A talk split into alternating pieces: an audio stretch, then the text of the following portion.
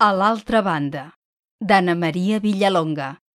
Publicat al blog El fil d'Ariadna el maig de 2009. Enregistrament en veu alta.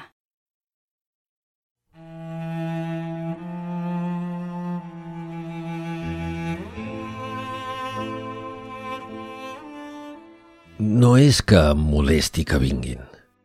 Fa tants anys que sóc aquí que ja m'hi he acostumat. A més, quan em convé, em giro d'esquena. En realitat, no m'agrada ser maleducat, però el problema és que no tinc ni un dia de descans, ni dissabtes, ni diumenges. Al contrari, els dies anomenats de festa són els més intensos. Vinga, fotos. És lògic que trobi a faltar una mica d'intimitat. Les úniques estones que puc gaudir d'una certa soledat és a la infermeria, quan estic malalt o quan m'han de fer alguna d'aquelles revisions tan pesades. Els metges i les infermeres, no cal dir-ho, em tracten a cos de rei. Però, és clar, això no s'hi val.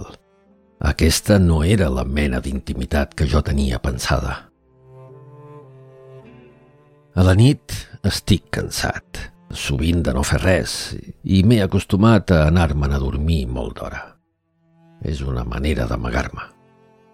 És veritat que si em fico a cobert massa aviat, perdo alguns moments d'esbarjo, com ara jugar una mica. Però no m'agrada que vegin tot el que faig. Encara que la cambra és petita, està muntada amb totes les comoditats que necessito el menjar és bo i també la beguda. La neteja impecable. I el manteniment, que duen a terme amb assiduïtat uns homes amb granota verda, de luxe. En cert sentit em tenen força viciat, no puc negar-ho. També he de confessar que recordo poca cosa del passat a l'exterior tot i que de vegades m'assalten somnis sospitosos. Extensions verdes, plantes espesses, crits estranys, un fort vent a la cara que m'omple els ulls de sorra. Segurament era així, i quan ho somio em desperto amb un pes al pit que no em deixa respirar. A voltes he pensat que deu ser nostàlgia, però no n'estic massa segur que es pugui sentir nostàlgia de quelcom que gairebé no es recorda. En canvi, tinc element enregistrats amb vivesa moments posteriors. La sensació intensa d'unes suaus mans femenines que m'envolten i m'acaronen.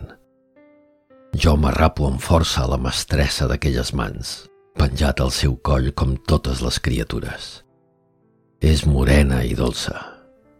Em diu molt fluixet paraules a l'orella. Sento algú que riu i que parla. M'hauria agradat quedar-me a la vora d'aquelles mans per sempre. Però no. Al cap de poc temps em van portar aquí. I de seguida el reguitzell de gent que mai no s'acaba.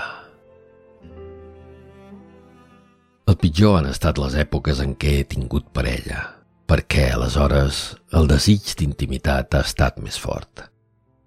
Hi ha hagut alguns moments de veritables enrabiades i he de reconèixer que he fet certes coses poc elegants, però a aquestes alçades més m'estimo no explicar-les. Les parelles han anat i han vingut. Algunes eren molt boniques. No sé ben bé el motiu, però no m'han durat gaire. Se les enduien de seguida i això no m'agradava. De vegades he sentit comentaris, sobretot dels metges, però no els he acabat d'entendre. No sé què del color blanc que no sortia.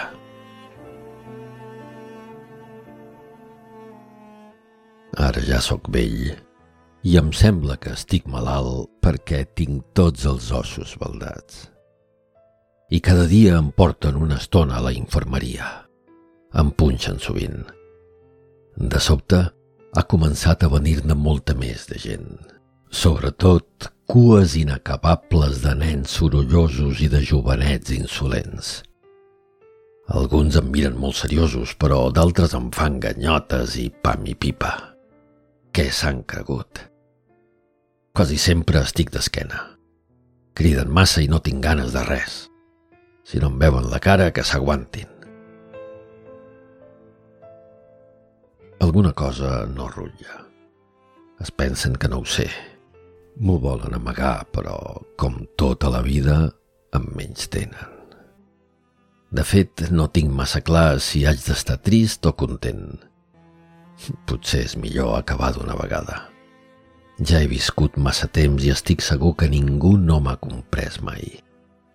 Ningú no ha entès la meva soledat, a pesar de les multituds de l'altra banda i de la mirada càlida d'algunes persones que semblaven agradables.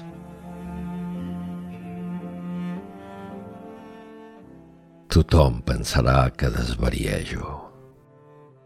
Ells només veuen que he tingut una llarga vida en una ciutat preciosa on m'han tractat, no sé ben bé per què, com si fos un príncep.